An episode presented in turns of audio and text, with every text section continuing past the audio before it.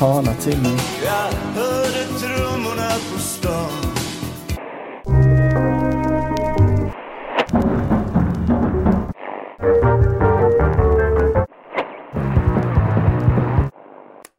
Vilken dag. Mm, det kan man säga. Eh, anledningen till att vi sitter här är ju en, eh, en sak som hände för, eh, ja, för över ett år sedan. Eh, där vi hade en fest med goda vänner och Eh, där jag betedde mig riktigt tölpigt på den där festen. Eh, jag var jag var en dumbom helt enkelt och hade riktig ångest för, för det här också. Och tog kontakt med dig då eh, några dagar senare där och, och, och bad om ursäkt för alltihopa. Och, ja, Jo, nej, men det var en jobbig period då. Och det var en jobbig situation. Eh, som, som du säger, vi hade det så himla roligt hade vi. Vi som var i rummet hade ju jättetrevligt. Och sen, sen, sen är det ju bara oturligt att det blev så dumt som det blev. Och, eh, men jag, jag menar ju att vi, vi har ju utagerat detta och pratat om det. Och, och som sagt vad vi har umgåtts. Ja, vi har, vi har ju till och med åkt på, på semester tillsammans och så med, med respektive. Och, och, och träffats på, på, på privata tillställningar efter, efter detta också. Vi har pratat om det då med, med ja, vid de tillfällena med våra respektive. Med våra respektive med och, och sen, alltså det, det förringar ju inte liksom allvaret i, i saken på något vis. Och, ja, men jag, jag, är, jag är hemskt glad att du, att, du, att du ville prata med mig.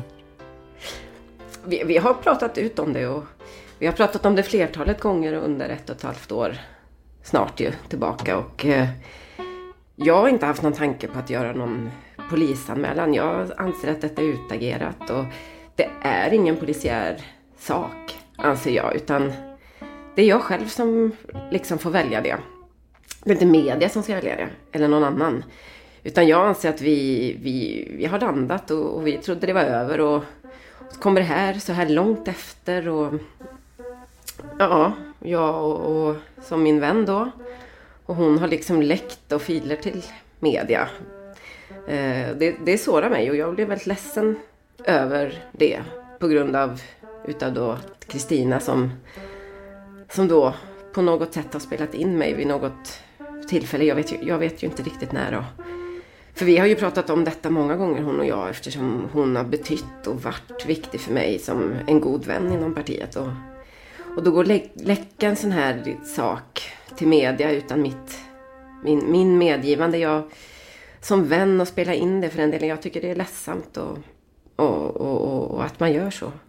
Men som sagt var, jag, jag anser att det här är, är, är ett övertramp när man eh, Ja, men alltså, alltså verkligen, verkligen. Alltså det, det, ja, men det, det är sviket förtroende ja, men från en vän, alltså till, till, oss, till oss båda faktiskt. Mm. Mm. Ja, men ja, så, ja, men hur går vi vidare nu då?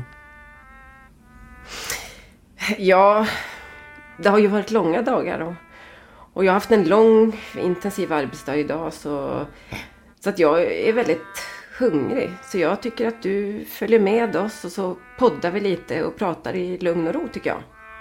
och, så, och så hoppas vi på att det blir en bättre dag i, imorgon. Det hoppas jag med. Ja, men då, då gör vi så. Då gör vi det.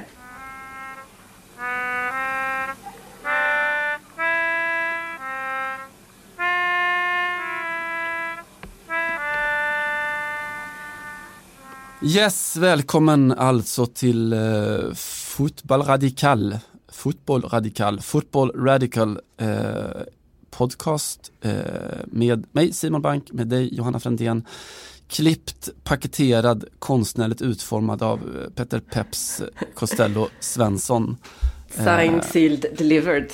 Väldigt mycket så. Vad, apropå deliverance, vad, vad har du haft för dig sen senast? Hörru du, vad har jag haft för nu mig? Lät, nu lät det som att du hade fött barn, typ. det var inte alls min, min avsikt. Eh, Sen, du, kanske, du kanske har, ja men deliverance. Jag har levererat. Du kanske har levererat helt andra saker, jag vet inte. Berätta för oss. Uh, ja, bra fråga. Jag har väl levererat kanske lite läsning till uh, framtida stundande VM i fotboll. Jag var ute och träffade Frankrikes förbundskapten Corinne Diac Som jag hade ju som profil bara för ett par veckor sedan i podden. Till slut så tog hon emot mig. Ehm, detta Just jag gjort. därför eller? Förmodligen. Det var jag, eh, Gazzetta dello Sport och Globo och eh, New York Times. Det var liksom, jag tyckte det gav en liten, eh, det här, det här var, det var enda, enda in- intervjuerna hon gör för då, internationell media.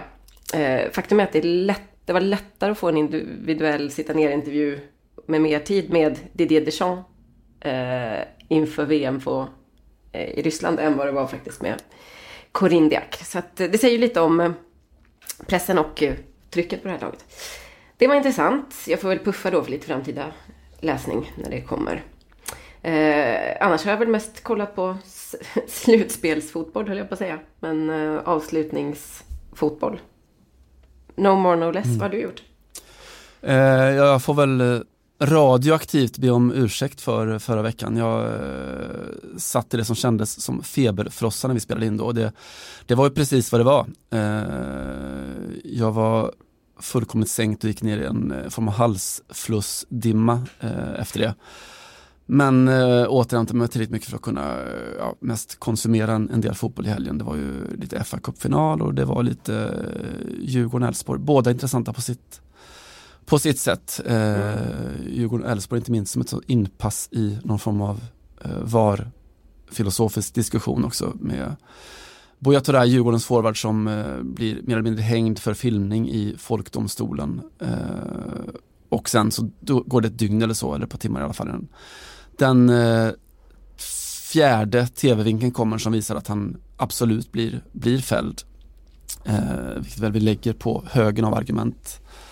Just det, Eh, gamla Glenn Strömberg-grejen. Ja, Visst var det väl Ja. de som hittade ett, eh, i den där matchen 90, 1998 till slut en SVT-vinkel som var helt, som ingen hade sett och Precis, så att Norge visst skulle ha straff. Eh, och vi, ja, för att trumma in återigen att tv är inte sanning. Eh, Ja, podcasts däremot är bra nära. Just det, jag har ju gjort dam, det, finalen i damernas Champions League också, även om jag inte kunde vara på plats i Budapest. Mm, eh, ytterligare ett tecken också, det gick ju parallellt med fa Cup-finalen. Ja, det var ju lite segt. Ja, lite segt eller, eller fullkomligt logiskt. Det är så som, som eh, både Uefa och, eh, och Fifa jobbar. I sommar tror jag väl att, att finalen i, i VM kommer ligga parallellt med finalen i Copa America på här sidan. Eh, Jaså, är det så? Mm. Ja, det är så de, så de rullar. Ja. Det, båda sakerna inträffade ju också samma dag som det var final i Eurovision Song Contest. Men det kanske man eh, får ha överseende med. Jag kan säga att eh, Viktor Orban var mig vetligen bara på plats på ett eh, av de här ställena. Och det var faktiskt eh, Lyon Barcelona i Budapest. Just det. Undrar vilken Fi- han höll på. Mm, han höll säkert på Jennifer Marochan antar jag. Mm, ja, det lär jag ha gjort. Precis. Vilket var en, en fin historia i sig. Eh, Mm. Men inte den finaste väl, Eh, Ada var väl den bästa historien Mm. kanske. som så ofta. Ja, precis. Eh, Det var ju, det kanske var lite synd eh, för matchen. Ja, redan på förhand så kändes det som en ganska ojämn uppgörelse. Lyon hade ju slagit ut liksom bjässar på vägen och, och haft det ganska tufft mot Chelsea i semifinal.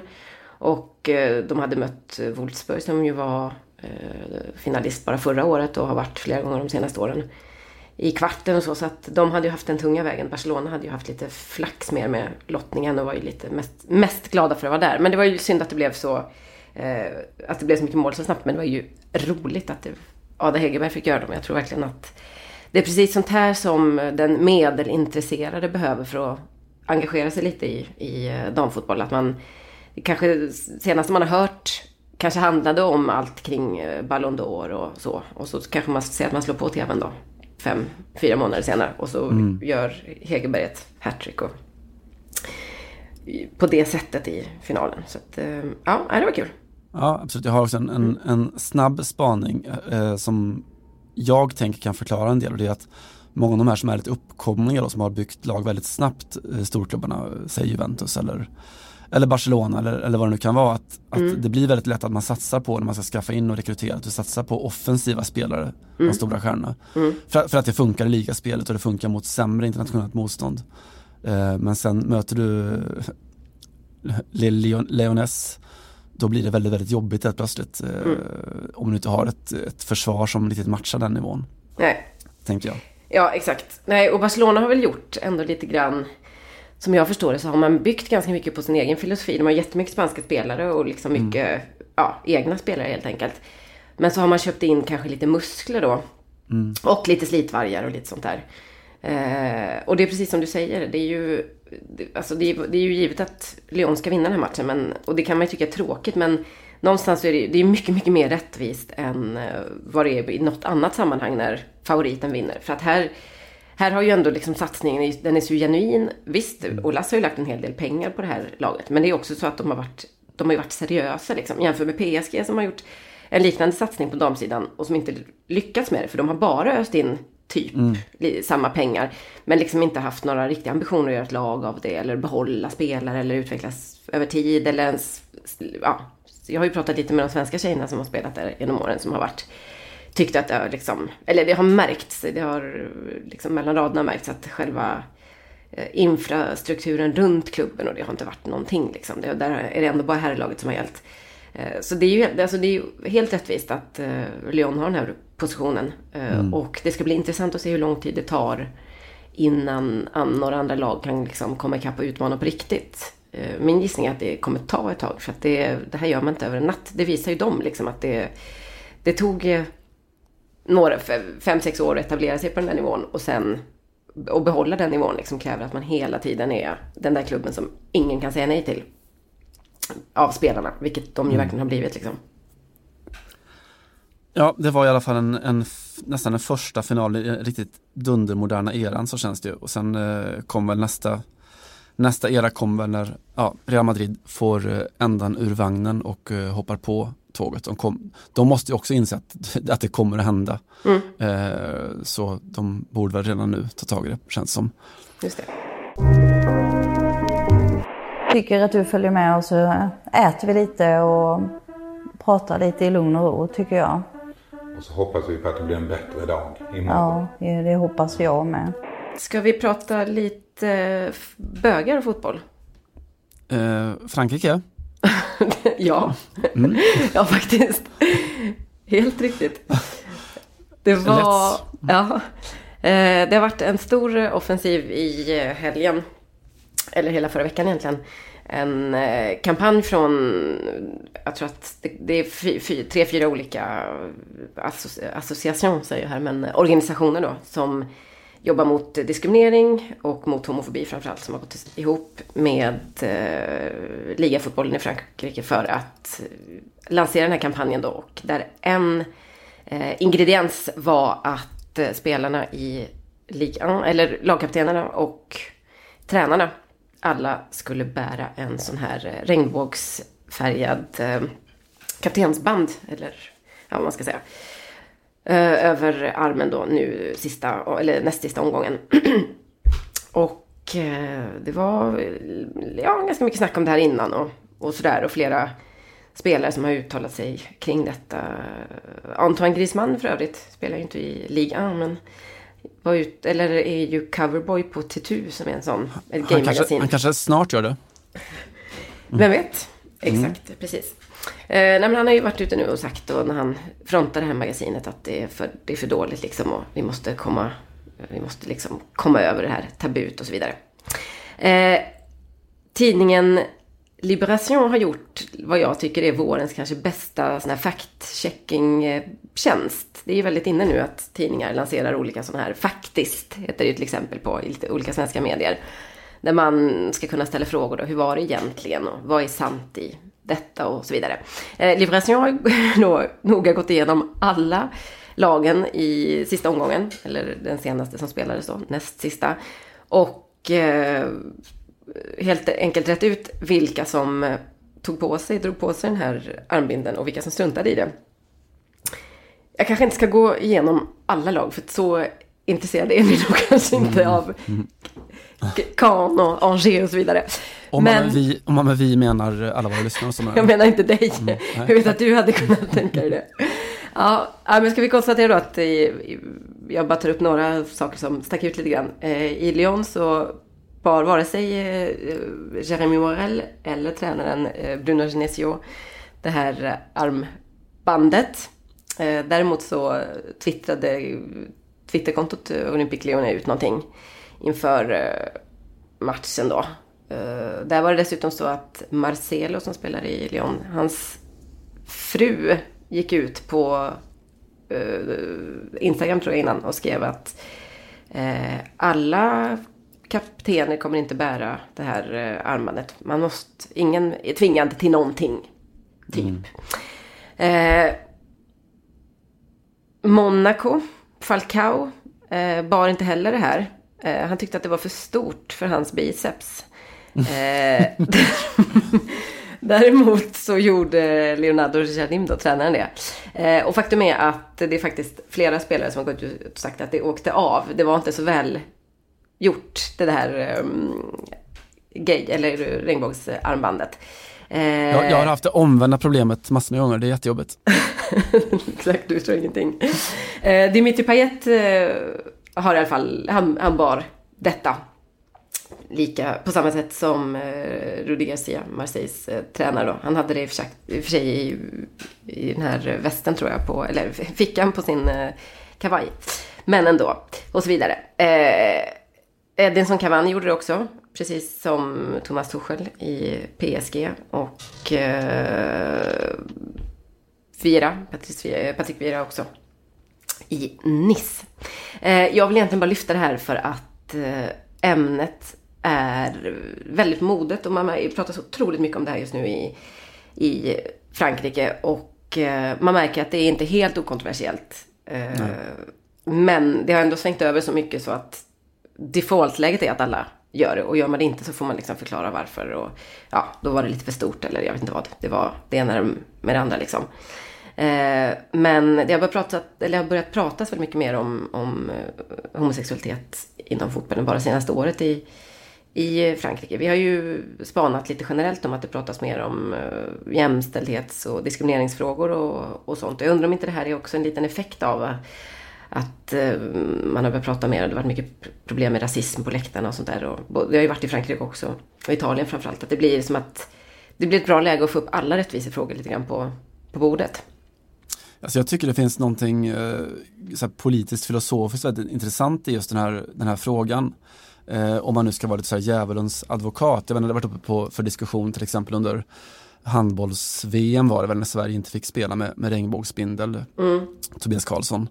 Eh, och så. Eh, och det finns ju en sån här ryggmärgsreflex som gör att man tycker att vilket jävla fjanteri att man inte ska få ta ställning för någonting så basalt som ja, det som handlar om alla människors lika rättigheter på något sätt. Och, men, men samtidigt så tänker jag om man tar den någon sorts juridisk, idrottsjuridisk hållning på det. Alltså det som idrottens eh, organisatörer då, eller de som organiserar idrotten, vänder sig mot mest av allt är ju politiska manifestationer. Man vill liksom inte, det är förbjudet ju att du får inte mm. som spelare liksom ta ställning eller eh, sådär. Och, och det är ju av, ett, av det enkla skälet att om man, man hamnar lätt i en situation om man gör så. Om man nu säger att ja, du får självklart eh, demonstrera eller manifestera för att eh, du är lika mycket värd även om du, även om du inte är heterosexuell till exempel. Men då hamnar det också i att, att då kanske du måste eh, diskutera alla andra manifestationer också eh, mm. utifrån hur mycket de är värda. Liksom. Vad är, mm. är det här ett sunt politiskt ställningstagande, är det här osunt och så vidare. Mm. Och, och det som är, är då, alltså motargumentet där hela tiden är ju att om det här handlar inte ens om politik, det handlar om något helt eh, basalt. Men det gör det ju såklart inte i hela världen. Eh, Nej alla Givetvis. tycker inte att, att, det, att det är en självklarhet. Eh, nej, nej men så, är det ju.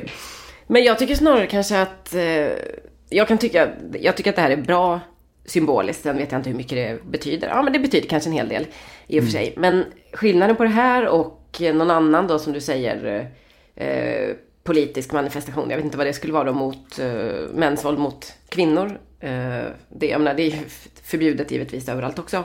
Men det, man kan ju ändå argumentera för att det kom, finns spelare som kommer från länder där det faktiskt inte är i, i juridisk mening förbjudet då, med våld inom äktenskapet till exempel. Om man nu verkligen ska mm. dra det så långt. Men det som det, det, det, här, det som det här handlar om, man ser det på stan också i, i Paris eh, på flera sådana här stora billboards och så vidare. Eh, där det är olika kampanjer kring just detta. Det handlar ju om att det har varit så otroligt, att det är så otroligt impregnerat, alltså läktarkulturen är så impregnerad av eh, homofoba ramsor. Som man inte ens tänker på. Alltså, vi, du vet ju, vi, Paris en ton cul till exempel. Alltså vi ska rövknulla er liksom. Och att det är ett sånt självklar eh, förolämpning och ett sätt att demonstrera makt och tala om att man hatar någon. Eh, och de flesta som säger det tycker förstår, alltså man kanske inte ens har tänkt på att det skulle ha någon, någon form av um, homofobiska konnotationer. Men det är klart att det är det det handlar om liksom. Eh, det är ett exempel bara. Men det hör man så ofta så att, alltså du vet ju, går du på velodrom i Marseille så kan du höra tanter stå och ropa detta liksom. Det är, det är verkligen inte så. Eh, ett, det är inget marginaliserat fenomen. Nej, så. det är hela, det är alltså varje match, bortamatch som eh, OM spelade i Paris så det, det är vad man, vad man sjunger, man, eh, de sjunger, är ju just det, Les Marseillais montent à Paris pour enculer le PSG. Eh, att man åker upp för att ja, rövknulla eh, parisarna. Och utan att liksom lägga någon tanke på att det, det är övermärkt så handlar det om att ja, men vi, vi, vi, vi använder sex som övergrepp och som förnedring. Eh, så. Eh, Det är klart att det är, är oerhört liksom belastande och, och vidrigt. Mm. Exakt. Men det används i någon sorts överförd bemärkelse och man, man reflekterar inte kring vad, vad det är överfört ifrån. Nej, precis. Jag tror också det. Och det var ju det här som hände för några veckor sedan när, ehm, när Pat Patrice Evra gick ut och bad om ursäkt för att han hade... Ja, dels hade han ju... Det var ju inte så konstigt att han hade jublat stort när United slog ut PSG i Champions League. Men då hade han ju också använt sig av det här ordet då. Eh, Och sa, och jag menar jag är inte så mycket till övers för honom, men där tror jag nästan att han faktiskt att han var ganska ärlig egentligen. När han sa att jag, för mig betyder inte det här någonting liksom. Eh, och jag är ledsen om någon tar illa upp. Det är klart man inte ska säga så här. Men det, så är det för väldigt, väldigt många. Det är, så, det är ett sånt väldigt enkelt eh, uttryck att eh, ta till helt, enkelt. Men eh, förstås också ett sätt att, att alienera folk på sexuella minoriteter, vad man ska säga, på, från fotbollsläktarna. Ja, nåväl. Det om det. Egentligen var jag mest bara glad över att eh, en tidning som Liberation, som är ändå en eh, ganska stor, mäktig, eh, progressiv förvisso dagstidning, la sina fact-check-pengar på att kolla vilka lag som i ligan som bar den här regnbågsbinden. Annars brukar det vara så här, hur många gånger ljög man in Le Pen under det här talet? Eller har, har Emmanuel Macron rätt när han säger att 500 000 nya tjänster inom skola och välfärd har tillkommit under och så vidare. Eh, det här tyckte jag var bra. Heja Libby att ni tar det här på allvar och eh, som sagt hör av er till mig om ni vill veta exakt vem i varje lag som var den här eller inte och vem som inte hade tillräckligt stora biceps. To hell with the rest of the world. Jag skulle väl kunna ta ner oss i det som är en, en aktuell pågående debatt men också någonting väldigt, väldigt eh, otäckt. Jag tänker göra en övergång som lånad från tv och varna för eh, ja, starka scener säger man väl i, i nyhetssändningarna. Eh, och ta upp det här som eh, man i USA rapporterade om för ungefär en månad sedan om ett rättsfall eller ett eh, fall i Ohio. Ett fruktansvärt våldtäktsfall med en eh, 11-årig flicka som hade våldtagits av upprepade tillfällen av en 26-åring och blivit gravid. Eh, och debatten som följer kommer handla om då om att hon eh, enligt de nya abortlagarna i Ohio eh, som inte har trätt i kraft än men som kommer att göra inte skulle ha rätt till, eh, till abort. Eh, de har i Ohio det som de kallar en hjärtslagsprincip. Alltså det vill säga att kan man upptäcka hjärtslag hos, eh, hos eh, fostret då, ungefär sex veckor in på graviditeten eller så, så är det olagligt med abort. Eh, och guvernör, guvernören i Ohio menar att det, det här liksom är vårt sätt att ge röst åt de som saknar röst, de som är svagast bland oss. Eh, och med det så menar han då alltså de ofödda liven och inte eh, de våldtagna 11-åringarna. Och allt det här har ju liksom då uppmärksammats igen då i samband med att eh, Alabama klubbade igenom sina eh, nya abortlagar. Men om man åker lite söderöver så kan man ju konstatera att allt det här har det pratats väldigt mycket om i Argentina väldigt länge. Eh, för de hade ett parallellfall till Ohio-fallet för fyra år sedan ungefär. Eh, också då eh, tragiskt nog med en 11-årig tjej som eh, de då kom att kalla eh, Lucia i, i medierna, anonymiserat då. Eh, Lucia hade våldtagits av sin mormors pojkvän och blivit gravid. Och i Argentina så har de då eh, rättigheter för eh, våldtäktsoffer just då, att göra abort. Och dessutom eftersom hon var så liten då, den här 11-åringen. Det är så jävla jobbigt att prata om men, men så är det i alla fall så, så fanns det också uppenbara hälsoskäl till att hon skulle ha rätt till, eh, till abort. Dessutom så ville hon då verkligen göra abort eller ja, som hon sa att hon, hon ville att de skulle ta bort det där som den gamle mannen satte in i mig. Mm. Eh, det som hände i Argentina var att myndigheterna då, de lokala myndigheterna förhalade det här fallet så att eh, till slut så fick hon då ändå förlösas med kejsarsnitt. Och dessutom gick ärkebiskopen ut och, och bad alla kristna att se sig själva som beskyddare av det här ofödda livet. Då. Eh, vildsinta protester från mer progressiva krafter eh, och det gick bland annat en kampanj på internet under hashtaggen eh, Ninjas no madres, alltså barn, inte mammor. Eh, ja, det, det, alltså man kan inte riktigt omfatta hela liksom, vidrigheten i, i allt det här. Liksom den här talibana religiösa makten då i delar av Argentina eller USA och så. Eh, och det här är ju en fotbollspodcast då så att jag vill ändå då prata om en annan Lucia i Argentina eh, och ta oss tillbaka till Buenos Aires för tusende gången. Eh, och prata om Atletico Banfield, eh, en av miljoner ligaklubbar i, eh, i Buenos Aires som det känns som. Eh, Banfield tränas av Hernan Crespo nu för tiden faktiskt. Eh, men framför allt då, det som är intressant här är att de ursäkta, de är den första elitklubben i modern tid i Argentina som har en kvinnlig president. Eh, och kopplat till det här, den, den första kvinnliga pres- presidenten, hon eh, tog över Platense på 70-talet och hade en president som hette eh, Natividad faktiskt i förnamn. Eh, alltså ja, nativitet, Föd, födelse. födelsetal. Precis så. Ja. Eh, Banfields president då heter alltså Lucia Barbuto, är 33 år gammal eh, och hon, när hon då röstades fram i höstas så sa hon så här. Vi verkar i ett landskap som är lite macho, men Banfield har insett att vi lever i förändringens tid. Att samhället utvecklas och i den här klubben är vi pionjärer. Jag hoppas att Banfield inte är en enskild ö, utan att förändringarna kommer i alla klubbar. Lucia Barbuto då har varit eh, supporter till Banfield hela livet då mer eller mindre. Hon har suttit i klubbledningen i fem, sex år någonting. Eh, hon pratar då hela tiden om ett, ett land som, som rör på sig trots allt då. Hon säger, vi har kommit långt på kort tid. För tre år, tre år sedan var det otänkbart att diskutera frågor om abort. Eller att ha en kvinna som president eller att se damlaget nå VM inför en fullsatt arena. Och det här någonstans som jag vill sluta cirkeln eh, i hela resonemanget här. En 11-årig Lucia tvingas alltså föda ett barn som inte är hennes och en 33-årig Lucia pratar om förändring. Eh, Lucia Barbuto, presidenten, är inte bara fotbollsledare, hon är också operationsassistent. Hon är snart utexaminerad barnmorska.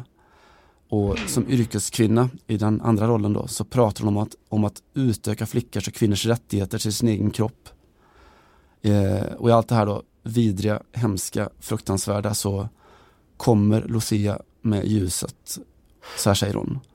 Feminismen är en väg som börjar en dag och som aldrig slutar.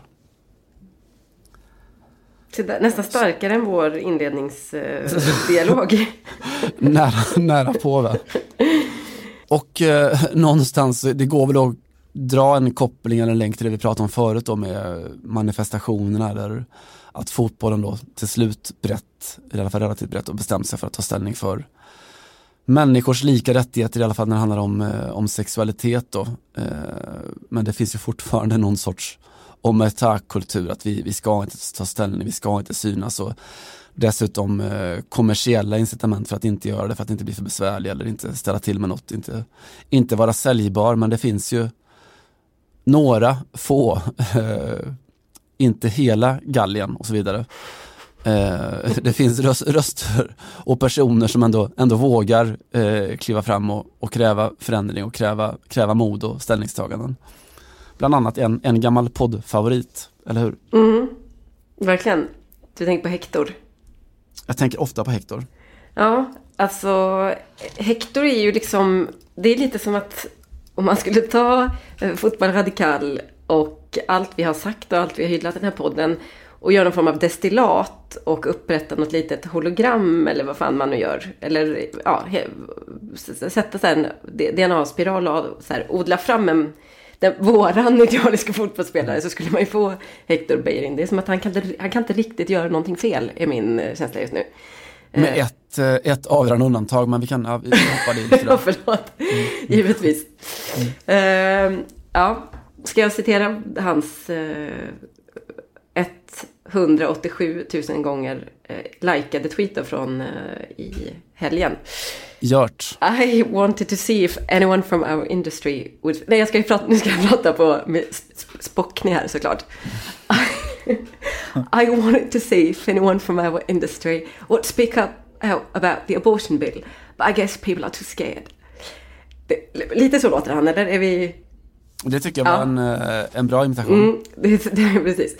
Uh, this isn't just an issue for women. Uh, this isn't just an issue for women. It's one for every human being. We fight for equality and this is something men should fight for and not hide away from. Eh, ja, precis. Det där var ju Spockny. Min bästa imitation av Hector Beirin. Jag vet inte om den var perfekt, men tweeten var ju helt perfekt. Jag... Jag, jag älskar den här tweeten så mycket. Jag kände bara så här. Jag gifte mig med den här tweeten och sen kan jag abortera våra barn om det är det som krävs. Men det, det går fan inte att skriva bättre än så här.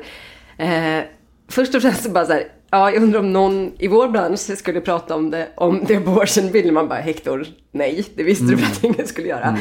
Men jag antar att folk är lite för rädda. Eh, ja, redan här är det ju liksom dålig stämning i omklädningsrummet. Mm. Eh, och sen så här, det här är inte bara en fråga för kvinnor. Det handlar om alla människor. Det är ju lite mer mainstream, men ändå krävs lite mod för att säga det liksom. Eh, jag känner också någonstans, okej okay, det här kommer låta lite groteskt, men det kan ju vara ganska många Premier League-spelare som, som har det här, nej, det här var, det var lite för grovt. Jag har haft lite nytta av, av fria bort, förlåt mig. ja, men förstår det, här, det känns som att det här är kanske en grupp män som är, är, är rätt så eh, som är ganska viril ålder och, och helt enkelt inte alltid eh, är så jävla noggranna om saker och ting. Ja, vi får se om det här går igenom klippningen. Skit i det. Eh, ja, i en, i, en, eh, i en tidsålder av, eh, av virilitet så är det en, en tröst att eh, Hector Bejerin blir viral, så kan man säga. Exakt så. Men också att eh, det här är något som män borde slåss för och inte liksom skygga ifrån eller gömma sig ifrån. Eh, det är ju lite kärnan i det här. För att det var inte så, det var inte dåligt med reaktioner på det som hände i Alabama i eh, helgen. Eller förra veckan. Eh, det var ju väldigt mycket indignation och hit dit. Men det var väldigt få Hollywoodmän till exempel. Som gick ut och, och tog i med brösttoner. Men väldigt många kvinnor mm. såklart. Och ehm, det är ju, jag tycker Hector får till det ganska bra här. Att eh, det här är faktiskt en, eh, en fråga om rättvisa och jämlikhet såklart. Och något som också män, som ligger i mäns intresse. Absolut, och det, det finns ju, eh, alltså om, om man nu liksom tar in eh, religionen eller vad som helst eller tro eller alla de aspekterna, för det, det, går ju, det är väldigt svårt att koppla, frikoppla det därifrån. Eh, där liksom argumentet att eh, kvinnan har rätt till sin kropp, punkt, kanske inte alltid biter. Eh, så, så finns det ändå andra argument som, som kanske gör det. Eh, en som ju har varit väldigt, eh, alltså den visuella representationen av hela den här debatten är ju Vare sig hon vill eller inte så är det Margaret Atwood såklart. Eh, oerhört, man blir trött på alla, nästan alla, alla bilder av eh, av eh, Margaret Atwood uppklädda kvinnor. Mm. Men, men, men det, det, det, har blivit en, en, eh, en stelnad bild av, av motståndet någonstans. Eh, det här, The Handmaid's, Handmaid's Tale eh, uniformen. Men hon har också pratat om det, om, om det här på ett, eh, som jag tycker, då, alltså, mer konkret sätt som visar hur just ojämlikt eller ojämställt det är. Och pratat om att det finns faktiskt ett annat fall där staten tar makten över människors kroppar väldigt, väldigt fysiskt, nämligen eh, armén där du plockas in till värnplikt eller så. Eh, där, man, där staten faktiskt då tar eh, rent fysiskt kontrollen över den manliga kroppen. Mm. Eh, och det som händer där är ju att staten åtminstone tar ett ekonomiskt ansvar för den manliga kroppen, att du får mat och husrum och allt det där. Medan en, då, en ung kvinna som blir eh, ofrivilligt gravid eh, förväntas då eh, kunna ta det fulla ekonomiska ansvaret för, för sin kropp mm. alldeles oavsett hennes eh, ekonomiska situation. Just det, man får kanske barn, barnbidrag då i vissa länder i och för sig. Men... Ja, eh, det lilla. Eh, så. Men hon, så hon, hon, sa att åtminstone liksom, om ni ska göra det här mot kvinnor så får ni fan med till att betala för det. Mm. Det är det minsta man kan begära om ni ska vara eh, Eh, rättvisa på, på något plan eller jämställda.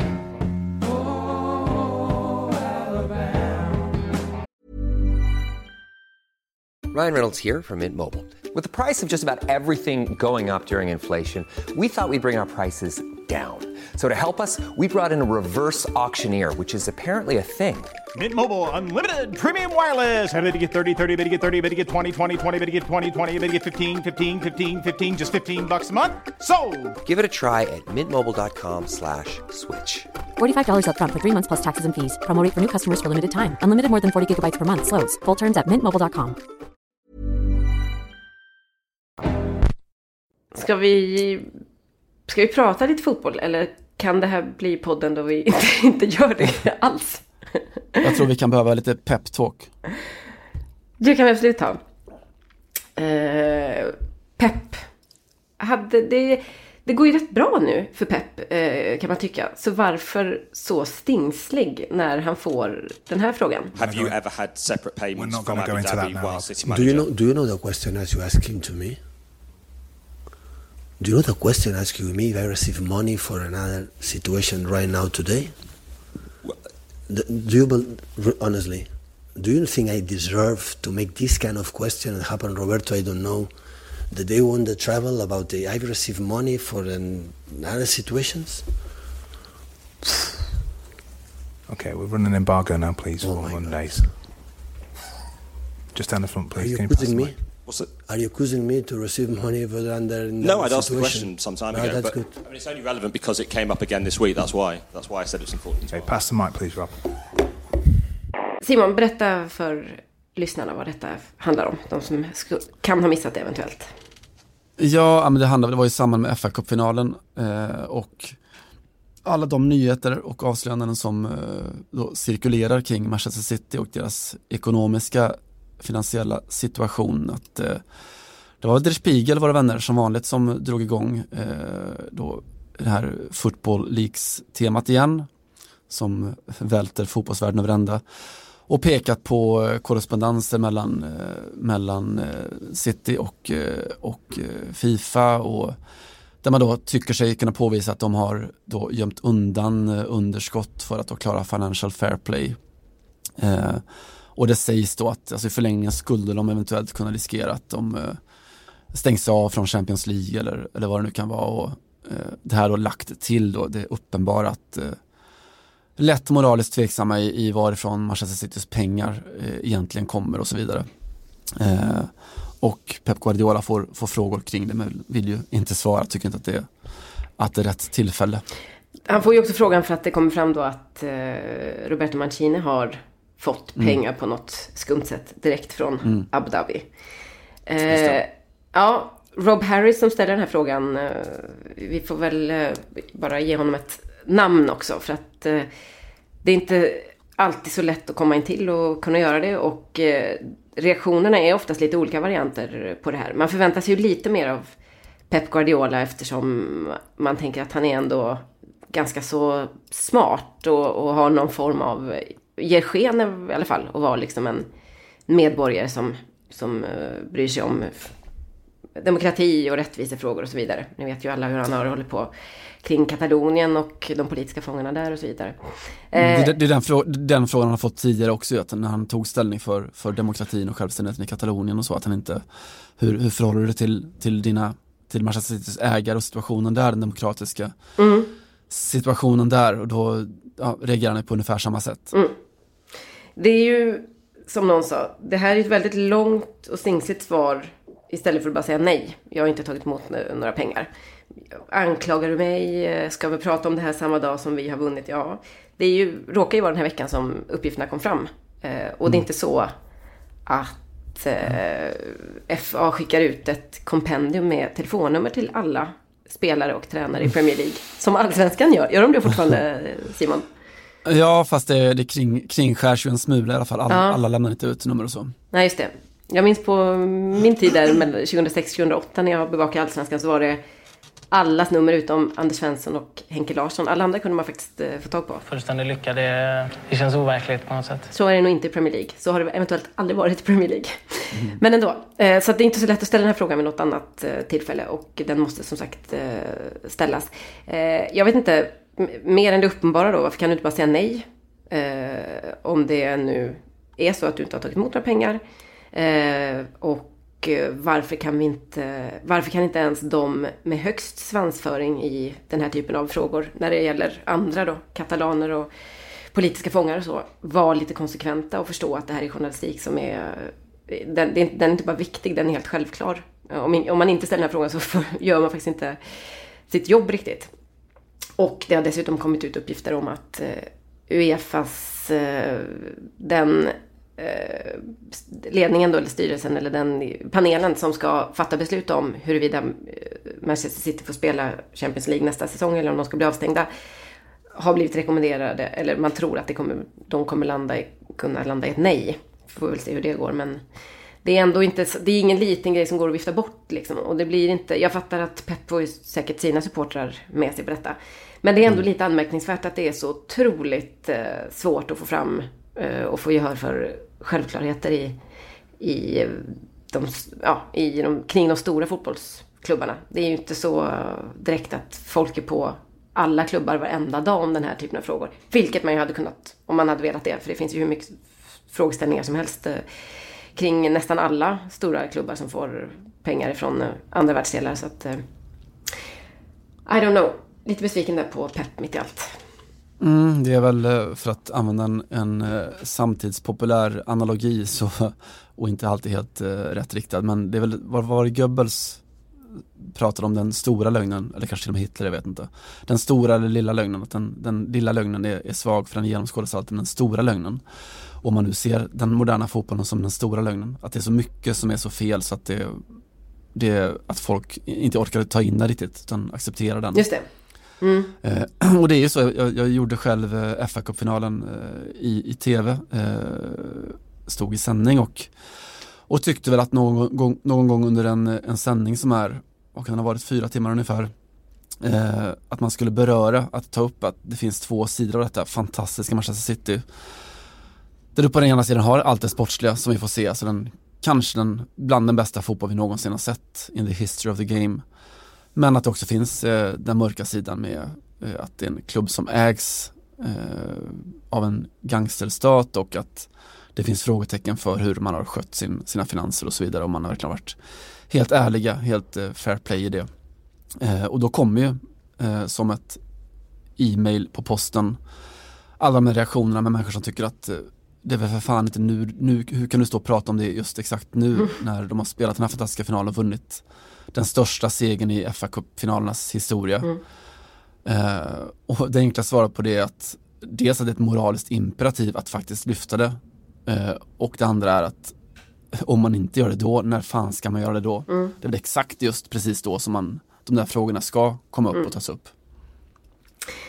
Ja, nej men det, jag tror att det där gäller faktiskt alla, all typ av frågor som går lite utanför eh, det rent eh, lag och spelmässiga det, vi har ju sett samma kring Cristiano Ronaldo, att det är liksom nästan en tävling bland vissa att lyckas inte nämna vad han eh, fortfarande är anklagad för och eh, på något mm. sätt misstänkt för i, i USA och hur, på vilket sätt han undviker lagens långa arm där eh, mot en eh, våldtäktsanklagelse. Utan nu ska vi njuta av Cristianos fotboll. Eh, och det kan, eh, står ju fritt förstås att göra. Men det är väldigt konstigt att, inte, att låtsas som att det här inte finns. Don't mention the score. Som det, som det hette i någon klassisk eh, engelsk tabloidrubrik. Don't mention the war.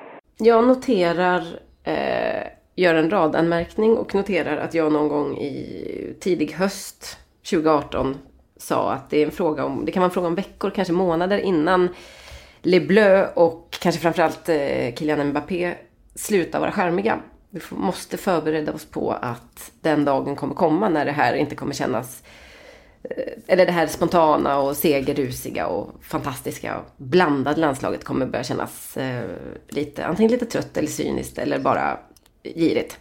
Eh, dagen har kommit tror jag, Simon. Eh, Mbappé mm. gjorde ju ett rätt spektakulärt uttalande i eh, söndagens eh, stora mm, fotbollsgala, kan vi väl kalla det.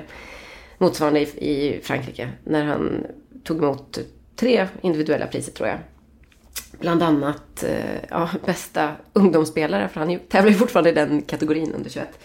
Men bästa spelare också och sa att jag hoppas att utvecklingen kommer att fortsätta i PSG eller på annat håll. Och eh, efteråt så höll han fast vid detta och sa att ja, nej men jag känner att jag vill ha, jag vill ha mer ansvar. Det är det han säger då. Eller jag är, jag är redo att ta nästa steg och få mer ansvar. Och det har rapporterats eh, sedan dess då att eh, Mbappé är missnöjd med att inte liksom tillhöra eh, de här, eh, vad ska man säga, lagkaptensmaterialet i omklädningsrummet. Och eh, att det på något sätt är ett krav för att han ska bli kvar i klubben. Nu gick ju PSG ut igår och skrev att den lyckade vandringen sida vid sida med Kylian Mbappé eh, har burit mycket frukt och den kommer att fortsätta nästa säsong och så. Så det är någon form av propagandakrig just nu, eller kommunikationskrig i alla fall. Eh, men Mbappé fick ju ganska mycket skit för att han tog det här tillfället just och lansera sitt besked liksom, eller vad ska man säga, förklara att han står till, vad säger man, arbetsmarknadens förfogande. eh, att man tycker att det var dumt. La decision. Mm, lite så. Mm. För att det är, det ska vara liksom en galakväll och det ska inte ett tillfälle att, att börja starta någon transfercirkus eller försöka trissa upp sitt värde eller försöka blinka till Zinedine Zidane. Eh, dessutom, det som störde mig absolut mest var att två eller tre dagar efter att eh, PSG åkte ur Champions League mot Manchester United så och då var det ju chock, alltså då, då befann sig ju verkligen PSG och Paris lite grann i någon form av chocktillstånd och det var verkligen så här, vem ska prata först och så. Och det var väldigt tyst på sociala medier och så gick ju Mbappé ut och gjorde en intervju med eh, fransk TV. Där han fick frågan, men kommer du vara kvar i klubben nästa eh, år? Och då sa han så här, ja ja, det här är inte alls rätt läge för mig att lämna. Tvärtom, jag garanterar att jag kommer vara här eh, nästa år. Så att eh, han har redan lovat det någonstans. Sen var det, tror jag att det var två dagar senare så tog Zinedine Zidane över Real Madrid. Och det hade väl inte mm. klanen Mbappé riktigt räknat med. Eh, dåligt och lite ocharmigt. Eh, på tal om La Decision och Le Bleu så har ju Antoine Griezmann, för, han fick nöja sig med tre minuter, eller fyra minuter den här gången. Och förklara att han har tagit ett beslut att han ska lämna Atletico Madrid. Eh, ni, vi har väl ironiserat lite kring La Decision, den fan 45 minuter långa video som han la ut förra sommaren för att förklara att han inte skulle lämna klubben. Och som producerades av ett produktionsbolag som ägs bland annat av Gerard Piqué. Och det lite, det lite pikanta i detta var ju att eh, alternativet verkade vara om han skulle gå till Barcelona då eller inte. Nu fick han som sagt gå ut på, i klubbens egen regi och prata under eh, deras eh, klubbmärke eller på deras eh, sociala medier-konton och säga att jag har bestämt mig för att jag ska lämna klubben och jag vill tacka alla hit och dit. Så. och det var väl en sak, men det roliga var att det kom ut i efterhand att Grismans liksom läger verkligen hade insisterat på att göra en lika lång video igen. Men, det gick ju så bra senast. Men Atletico Madrid sa nej, nej. Aldrig, Hamas, sa de. Aldrig igen.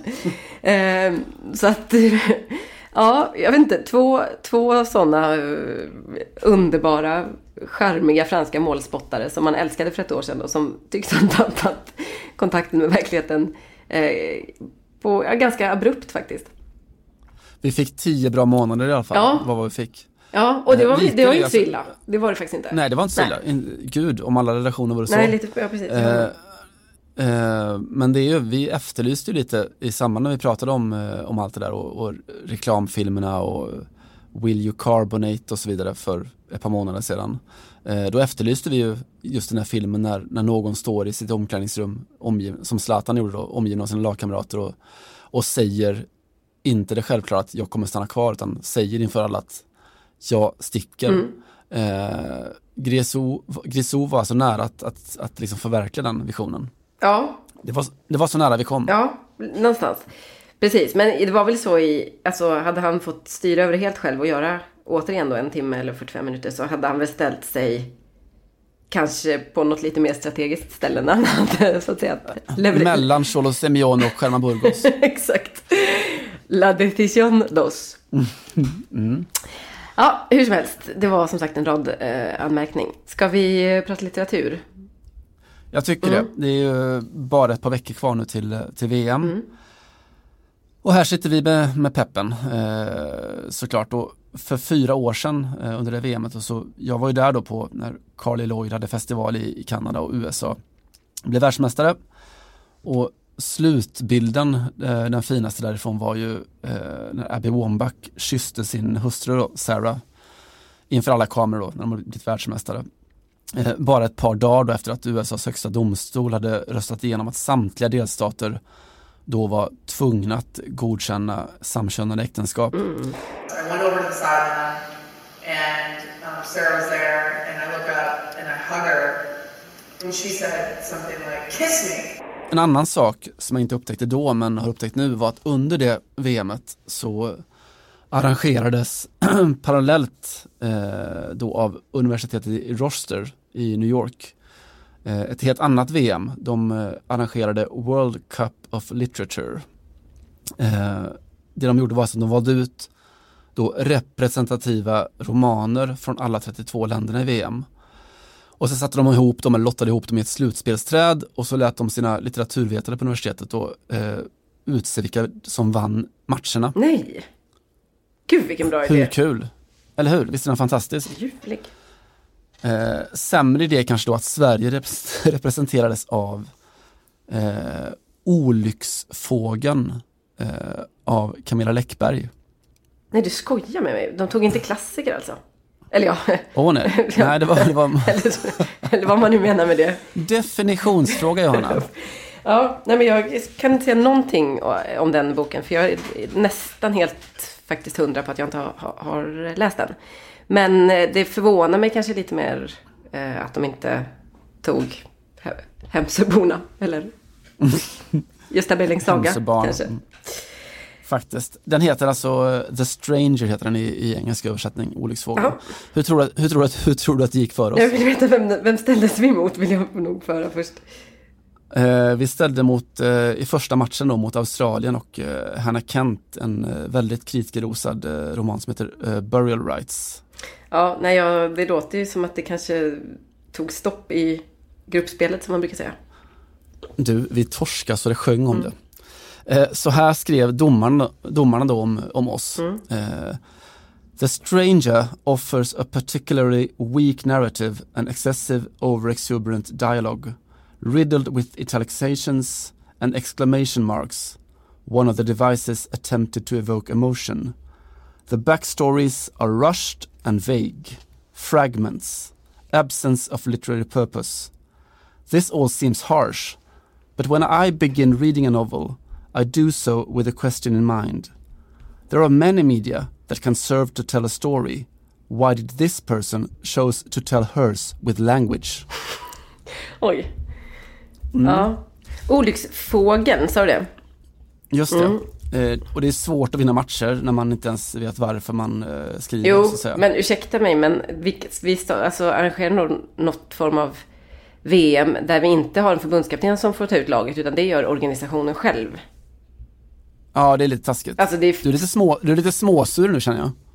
Jag är sjukt sur faktiskt. För jag tycker att det... Jag hade, jag hade köpt om vi hade rykt på, på... Med vår bästa spelare på planen, förstår jag. Men med ett toppat lag.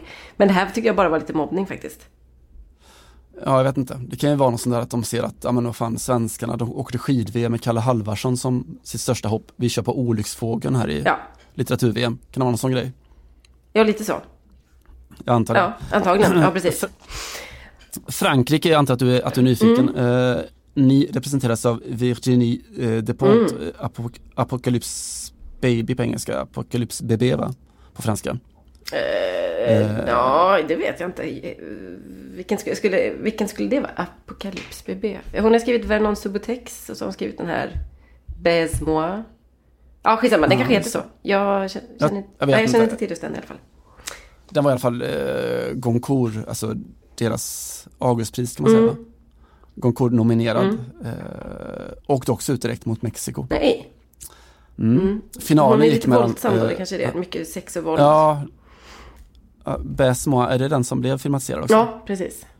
Mm. Eh, till final gick ju, ja utöver Tyskland då, eh, även Kanada faktiskt, hemmanationen. Jaha. Ford, Richard Ford, eller inte han... Eh, Kan vi- nej. nej. Eh, Men han kanske bara skrivit om Kanada. Ja, jag ska tala om det faktiskt. Mm. Att, att eh, Tyskland representeras av Alina Bronskos och eh, Die schärfsten Gerichte der tatarischen Küche. Eh, på engelska, the hottest, hottest dishes of the Tatar cuisine. Eh, hon finns inte på svenska tyvärr, eh. Alina Bronskos.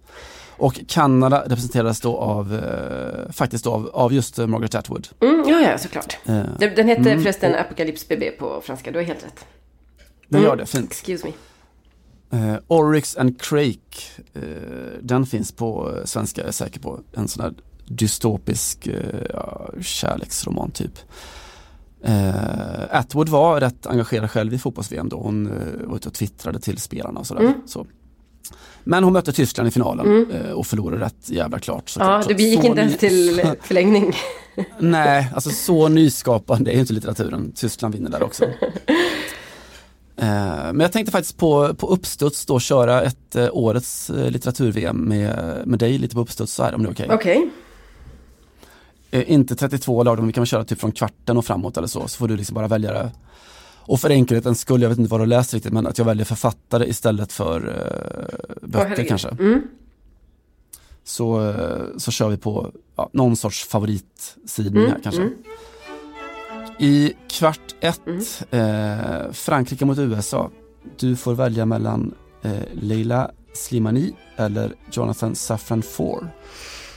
Eh, ja, den är ju inte så lätt alls. Och Slimani tyckte mycket om hennes första bok. Inte så mycket om den här vaggvisa som alla hyllar så mycket. Som jag, som jag tyckte om. Ja, men du, då har du inte läst hennes första som är riktigt bra.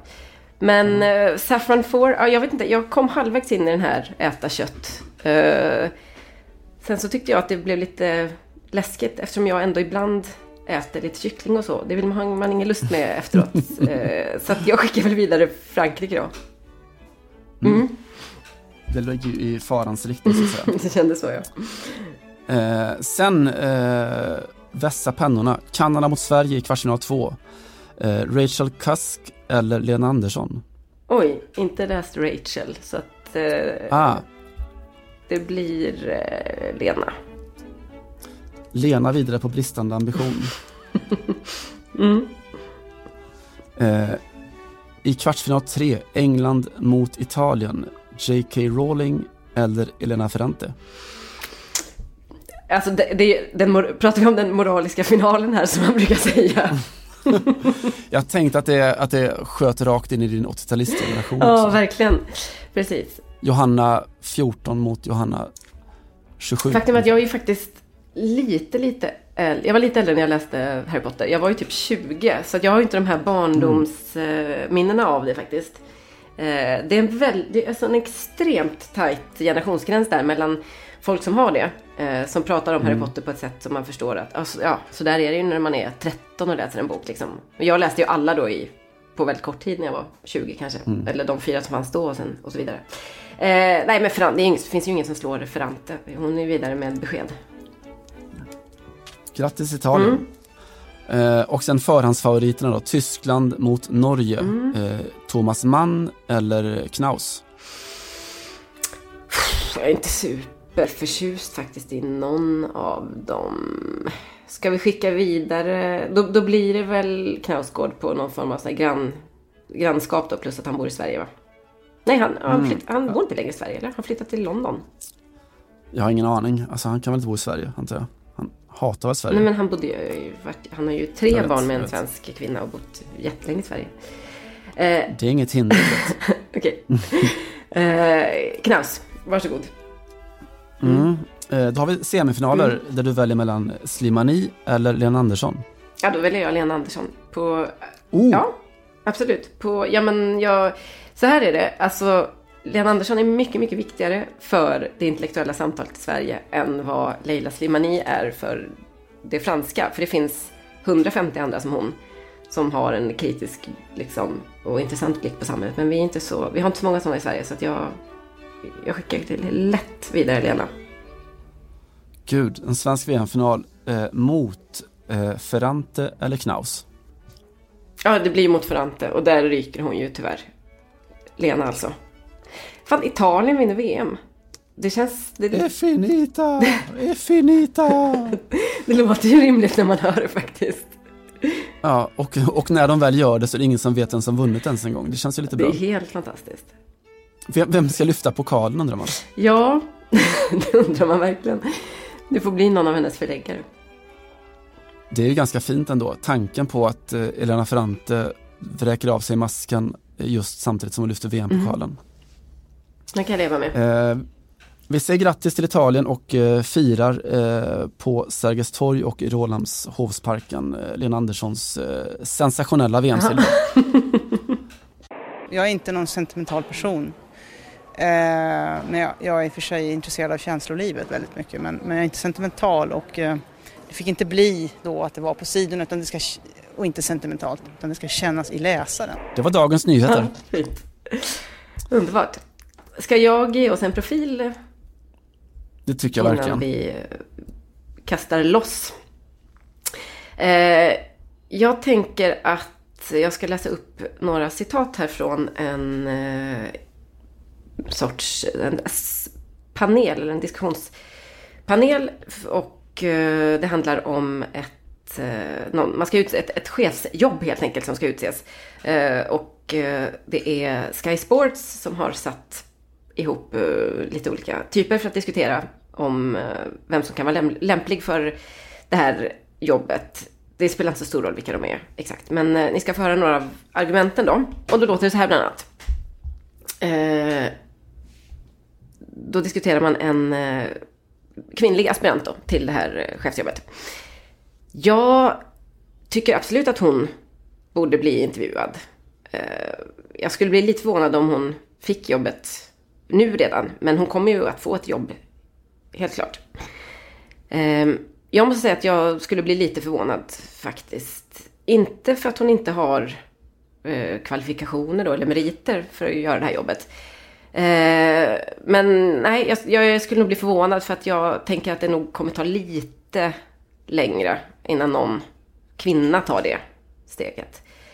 Ehm, den personen i, som ska ta beslutet då, och tillsätta den här chefen eh, är ju förstås eh, Marina Granovskaja.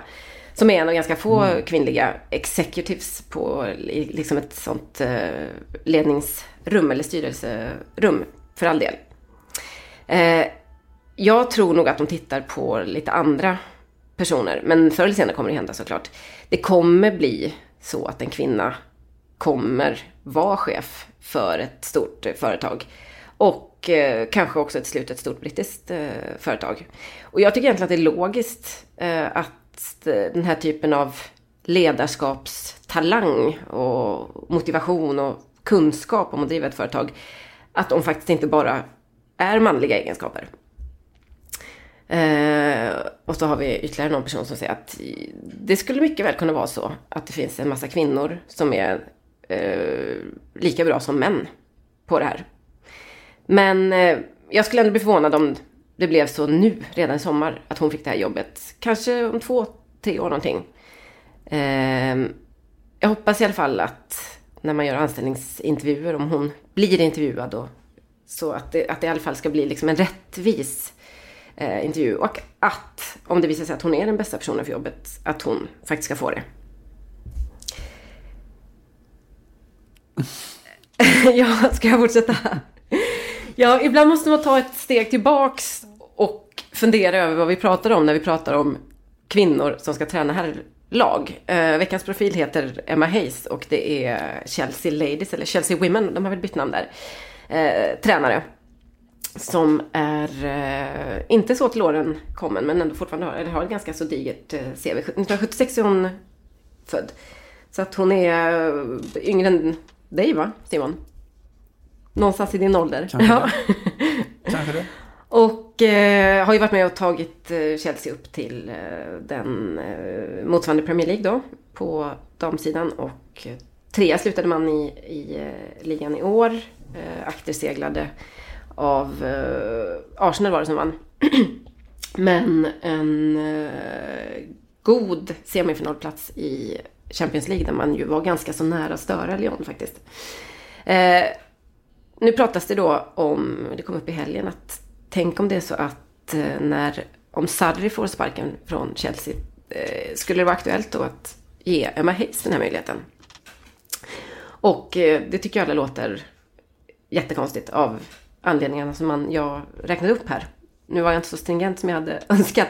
Men det är ändå ganska intressant att lyssna på hur de här argumenten låter om man pratar om något annat jobb. Eh, och få känslan av att vi sitter alltså i stor vi, men det sits i stora brittiska, europeiska idrottskanaler och sägs saker som att jag tror inte vi riktigt är redo för det här steget, men det kommer att hända. Hon kommer få ett jobb oavsett, förr eller senare. Och eh, det är väl logiskt att tänka sig att eh, ledarskapstalang och motivation och fotbollskunskap inte egentligen bara är någonting som hör manligheten till. Eh, man kan inte utgå från att det bara är män som skulle vara bra på det här. Det kan mycket väl vara så att det finns många kvinnor som skulle kunna lyckas inom detta. Eh, det är jätteintressant. Jag, jag, jag tror så här, att man tänk, det är väldigt lätt att tänka att ja, men England, varför, hur skulle det kunna hända där? Det vore mycket mer logiskt att det händer i något mer så här, progressivt land eller mindre machismo indränkt eh, land när det handlar om, eh, om fotboll. Men någonstans så tror jag att managerrollen i sig, alltså säga vad, man vill om det, men jag tror att ett, en problematik som skulle kunna vara är ju liksom att man pratar om omklädningsrummet och så. Och man kan tycka vad fan man vill om det, men jag tror att det, att det är ett relevant, alltså pragmatiskt, eh, konkret problem. Tror jag att det skulle kunna vara. Alltså, jag menar, självklart inte utifrån någon eh, nakna kroppar-tanke, utan att, att få spelarnas respekt just i, i en, eh, det är, så, det är så oerhört normaliserat med ett visst sorts att vara, ett visst förhållningssätt, alltså sedan 200 år Mm. och så. Men i just moderniseringen av hela yrkesrollen som du har med managerrollen, att du, du är chef, du är, du är exakt just chef, du, byggs, du bedöms utifrån din kompetens, du kan liksom nu få in det som för tio år sedan varit omöjligt att nästan att få in en, en modern tränare som inte själv har en spelarbakgrund till Mm. exempel. Det känns ju idag oerhört obsolet, Mm. liksom. varför skulle man inte kunna Just ha det. det. Att ha någon som har den akademiska kunnandet och så vidare. Så jag tror att så många murar har redan fallit där att jag tror att, vi, är- att de är mycket närmare där än vad till exempel vi är i Sverige Mm. där vi där vi ska stå och, och snacka med spelarna eh, ansikte mot ansikte, jag på att säga, men på ett mycket närmare, närmare sätt så där kanske en jargong eller, eller vad fan det nu kan vara är, skulle kunna ligga i vägen. Och jag säger inte att det är bra att det är så eller att det är ett relevant argument, jag säger bara att jag tror att, att det kanske är så. Är det inte liksom ändå konstigt att tänka sig att vi inte riktigt kan höra oss själva upprepa exakt samma argument som eh, användes för fem- 40-50 år sedan när det handlade om eh, Mm. kvinnor på andra poster. Mm. Eh, och att det blir... Alltså det, så länge man säger ja men skulle hon få respekt och skulle spelarna kunna lyssna? Men vad fan, det skulle du väl aldrig säga om frågan var eh, Facebook, tar, inte vet jag, Zuckerberg lämnar Nej. och nu tar hans då eh, liksom kronprinsessa över. Alltså den frågan hade ju inte ens ställts liksom. Nej. Och det är ju, då skulle hon fortfarande basa över eh, liksom 500 geeks i Silicon Valley som väldigt många killar och eh, det, jag menar, det, situationen hade varit lite samma sak. Eller lite liknande i alla fall. Eh, jag vet inte, det låter, jag, jag fick känslan när jag läste det här av att vi bara alla, inklusive progressiva krafter, har fastnat i att eh, det här kommer ske men vi, världen är nog inte riktigt redo. Och att det enda man kan göra är att vara lite radikal här och se hur sjukt hur sjuka de här argumenten faktiskt är när man, när man lyssnar på dem på riktigt. Att de faktiskt är helt jävla uppåt väggarna. Och att det är eh, oanständigt att sitta i en tv-studio i Sky Sports och prata om, eh, om att den här alltså ledaregenskaper kanske inte bara tillhör män. Jag tror säkert att det kan finnas många kvinnor som skulle kunna bli ly alltså, lyckas på, på den här positionen. Och eh, jag tror att det kommer hända. Hon kommer oavsett få säkert ett bra jobb. Alltså att det, är, det är fan mm. sju, ett sjukt förnedrande sätt att diskutera eh, frågan. Och att vi alla måste lyfta blicken här och, och sluta tönta sig helt enkelt. Absolut. Jag ska, jag ska killberätta en analogi. Det finns ju någon sån där eh, känt experiment som gjordes med någon, jag tror någon sorts symfoniorkester eller någonting. Eh, du kan känna till den bättre än vad jag gör för jag, bara, jag skarvar mm. rätt mycket nu. Eh, men där man skulle tillsätta, om det var på, i blåssektionen eller så, eh, något av de större blåsinstrumenten, låt säga bastuba. Eh, och att man gjorde sin rekryteringsprocess lite som The Voice ungefär, om folk kommer ihåg den tv-serien, att man, man gör blindtester helt enkelt. Eh, och det visade sig att om man fick se de ansökande så var det ju alla män liksom, men om man fick göra det blint så valde man eh, kvinnor ja, det är, mycket, mycket Det är det som intervjuerna på, för att komma in på läkarprogrammet ja. Mm. Ja, exakt mm. så. Eh, för, att, men, för att man tänkt, man är så fast i, i, eh, i tänket kring hur ser en bastuba spelad mm. ut. Ja, man ser tjock och god och glad och, och penisartad mm. ut liksom. Uh, och det är väldigt lite som säger att fotbollen inte skulle vara samma mm. sak. Sen självklart all respekt för att det, det handlar också om att uh, det är en, en, förändring som måste in på alla nivåer. För att du ska kunna ta över Chelseas herrlag till exempel så måste du ha präglas i en, en extremt så här, medieutsatt uh, miljö eller hög sportslig nivå och så vidare. du hoppar liksom inte kanske direkt från något som är på en väldigt mycket lägre nivå in i ett sånt jobb, man eller kvinna. Så att först måste kanske kvinnor, eh, ja, att det är steg för steg upp eh, eventuellt. Men jag tror också Varför att det är egentligen? Kopplat, nej, alltså jag tror också, jag ska säga det, att kopplat till det jag pratade om förut, att, att när det mer och mer handlar om, om chefskap eh, och kanske mindre och mindre om, om den här eh, dag för dag ja, nötandet. Och, mm. Mm. Precis, precis. Så tror jag att, att förutsättningarna är mycket, mycket större än om, än om någonsin har varit egentligen. Hon hade ju kanske ändå haft ett Eh, för man pratar om det här med, eller du pratar om det här med medial utsatthet och, och så. Mm. Det är ju också ett argument som dyker upp ibland som jag tycker nästan alltid kommer på skam. Det är väldigt få kvinnor på liksom höga tränarpositioner i de sporter där det finns som gör bort sig. Jag menar, jag tror att eh, hon eh, hade aldrig gjort en Pep Guardiola till exempel. Eller vad vet jag, nu känner inte jag Emma Hayes utan innan. Men förstår du vad jag menar? Vi har ju också så här, tänk om inte det här mm. skulle gå, men tänk om det skulle bli problem. Ja men problem finns ju hela tiden när tränare mm. kommunicerar och sitter i, på, i presskonferenssituationer och är utsatta för frågor eller är pressade generellt liksom. Eh, mm. Jag, eh, vi får väl återkomma till detta när min intervju med eh, Corinne Diac då presenteras. Men hon berättar lite om sina erfarenheter. Hon har ju tränat då ett franskt eh, division 2-lag på här sidan i, i tre säsonger.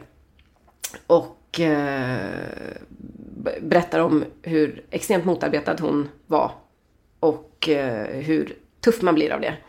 Och mm. eh, utan att föregripa det hela så säger hon att eh, om det hon, och hon är ganska pessimistisk. Hon sa jag tror inte alls att det kommer komma många kvinnliga tränare på kort tid. Tvärtom, jag tror inga klubbar vågar ta den risken. Det kommer kännas som ett risktagande och så.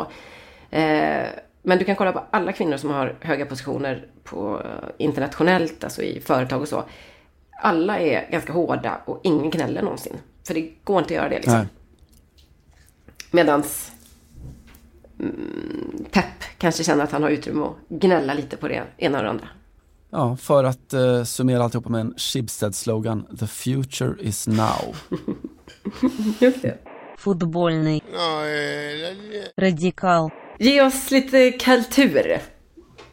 Jag ska mm. försöka, vi ska ner till Centraleuropa, för det var ett tag sedan. Eh, till eh, Klagenfurt, eh, Österrike. Jörg Haiders Klagenfurt. Eh, mm. Eh, Austria, Om- Klagenfurt. om de döda eh, var endast gott. Just det, precis.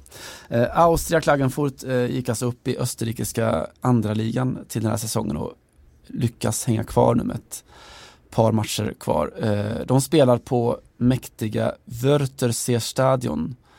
Eh, den byggdes då inför, inför EM där i, Österrike, Schweiz 2008. Mm. Eh, 32 000 platser, eh, Austria snittar ungefär 700 pers. Eh, förra sommaren förresten så spelade PSG där mot eh, Bayern Ja, just det, de var där. Champions Cup. De var där på någon sån ja, försäsongshistoria. Historia. mm. Det som händer nu då i, i sommar eller i, Vad i höst, undrar om Kevin. Trapp var med? och, och hur han tog sig dit överallt. På det. Ja. Eh, jo men i, i höst eller i, i, på sensommaren här så kommer det hända något helt annat på, på Wörthersee stadion. Eh, kopplat till, att, eh, till en bild, en teckning som eh, Klaus Littman, en sån här konstkurator, såg för 30 år sedan ungefär. En eh, teckning av konstnären Max Peintner eh, som heter Naturens eviga dragningskraft. Vi kan ta lägga upp den kanske på eh, Podcast Radikal, vårt eh, Twitterkonto. Så ni Mm. får se den. Eh, på den här teckningen så är en skog planterad inne på en, eh, på en fotbollsplan då, inför fullsatta läktare. Eh, publiken bara sitter där och liksom kollar på, ja, på naturen helt enkelt. Eh, och Littman eh, hade liksom svårt att släppa den där bilden. Eh, och nu då 30 år senare i september så ska han konkretisera den. Han ska ta in 299 fullvuxna träd och plantera dem inne på gräset på Wörthersee stadion. Eh, I en månad ska de stå där då i en installation som, ja fan, alltså redan på idéstadiet så den liksom väcker någonting i en så. Eh, naturen som underhållning, som konsumtion, som någonting som du tittar på istället för att Vara i. vara Mm. i. Ja. Eller något som är konserverat liksom. Det finns väl också såklart någon, någon eh, miljödebattsinlägg i det som är som Mm. kittlar tycker jag. Verkligen. Eh, det kommer bli fint. Också bra så samtidsanalogi. Lite det här att, att naturen håller på att bli en, eh, liksom ett, eller i miljödebatten så håller ju då naturen på att bli någon form av lite kitschigt argumentationsobjekt. Mm. Eh, så att det får inte bara vara typ att det är bra att ha en planet att bo på. Utan det, man måste också börja, börja på något sätt Mm. romantisera naturen. Jag tycker man ser det lite överallt. Fol- Folk börjar bli liksom lite så eh, 1800-tals eh, konstiga och ska Mm. prata om hur vackert och underbart det är med allt som är naturligt. Eh, Mm. Naturen i sig är inte ett argument utan man måste plocka fram det vackraste och liksom de mest udda arterna och eh, göra det till någon form av eh, ja, estetisera det helt enkelt. Mm, för, att det ska, absolut. för, att det ska, för att folk ska få reaktioner. Det som tidigare som man tidigare har, som har funkat väldigt bra när man pratar om djurförsök eller utrotning av djur och så. Det funkar ju alltid. För folk älskar djur och man blir liksom väldigt beklämd av att se att nu dog den sista jättesköldpaddan eller vad det var. Men där, där är vi ju snart med, med eh, träd och blommor och buskar och så vidare. Mm. Johanna Frändén från Rossås eh, land. eh, du får musiksätta Absolut. Eh, ska, ska vi säga tack och hej för den här säsongen Simon? Jag tycker vi gör det. Vi bara fattar beslutet där. Eh, det kan hända att vi hörs under eh, fotbolls-VM såklart. Eh, jag vet ingenting om framtiden, men det ger sig väl. Eh, ska vi bara göra det på ett lite roligt sätt med hjälp av eh, musikern Bruno Ovar som verkar under namnet Voilà. Eh, ibland behöver man bara en sång för livet. Vi hörs! Au revoir! Hej hej! Tu sais tout ce que je te dis là, tout ça c'est sérieux. Tu sais tout ce que je te dis là, tout ça c'est sérieux.